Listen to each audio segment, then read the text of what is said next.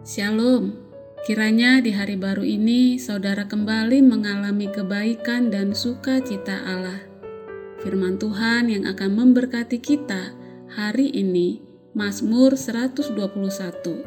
Terkhusus saya akan bacakan ayat 2 dan 3. Pertolonganku ialah dari Tuhan yang menjadikan langit dan bumi. Ia takkan membiarkan kakimu goyah penjagamu tidak akan terlelap. Demikian firman Tuhan. Untuk apa dihantui pendapat orang lain lagi? Saudara, tanpa sadar, begitu banyak orang hidup dengan jurang pemisah besar dalam Injil yang mereka pegang. Sebagian orang Kristen memiliki pemahaman dasar bahwa keselamatan itu sifatnya lampau. Artinya, anugerah pengampunan sudah mereka terima karena tubuh yang terkoyak dan darah yang tercurah dari anak domba Tuhan Yesus Kristus. Mereka juga cenderung menatap ke depan, menantikan keselamatan di masa depan, yakni anugerah damai sejahtera kekal dan harmoni dalam hadirat abadi Sang Tritunggal. Padahal, begitu besar berkat dari karya Yesus Kristus yang bisa kita rasakan di sini sekarang juga. Untuk itu, sangatlah penting bagi kita untuk memahami aspek sekarang dari Injil Tuhan Yesus Kristus. Yesus mati bukan hanya untuk masa lalu atau hanya bagi masa depan pencurahan darahnya juga bagi kehidupan kita di sini dan sekarang.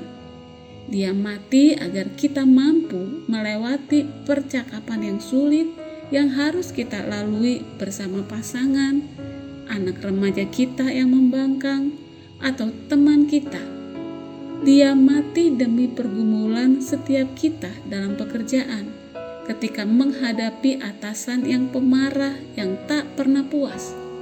Dia mati bagi ketegangan dalam keluarga besar kita yang terpecah dan disfungsional. Dia mati bagi godaan seksual yang tampaknya menguasai sebagian besar diri kita. Materialisme yang memenjarakan kita, rasa takut akan pendapat orang lain, siksaan kecemasan, dan gelapnya lubang depresi. Bagi semua itu, Kristus juga telah mati. Ia mati agar kita bisa memiliki segala yang diperlukan untuk menjalani hidup antara pertobatan kita yang sudah berlangsung dan kebangkitan yang akan datang kelak. Saudara, saat kita mulai memahami jati diri yang baru dan pemeliharaan yang kita miliki sebagai anak Allah, seharusnya hal itu akan mengubah cara pikir serta cara hidup kita. Jika Tuhan sudah menerima kita sepenuhnya, di tengah hal terpuruk setiap kita sekalipun, maka untuk apa kita berusaha mencari ketenangan batin dengan mengejar penerimaan dari manusia yang tak sempurna? Anugerahnya saat ini membebaskan kita dari rasa takut dan pengaruh yang merusak hubungan-hubungan kita. Bila Dia bersama kita dan hadirat serta anugerahnya memberikan segala yang kita perlukan untuk melakukan panggilannya, Lalu, mengapa kita harus takut pada apa yang ada di depan?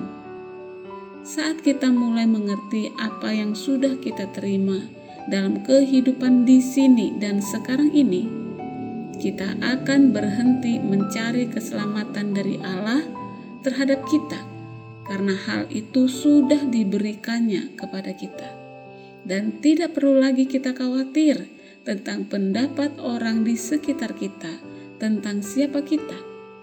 Itulah kebebasan yang kita perlukan.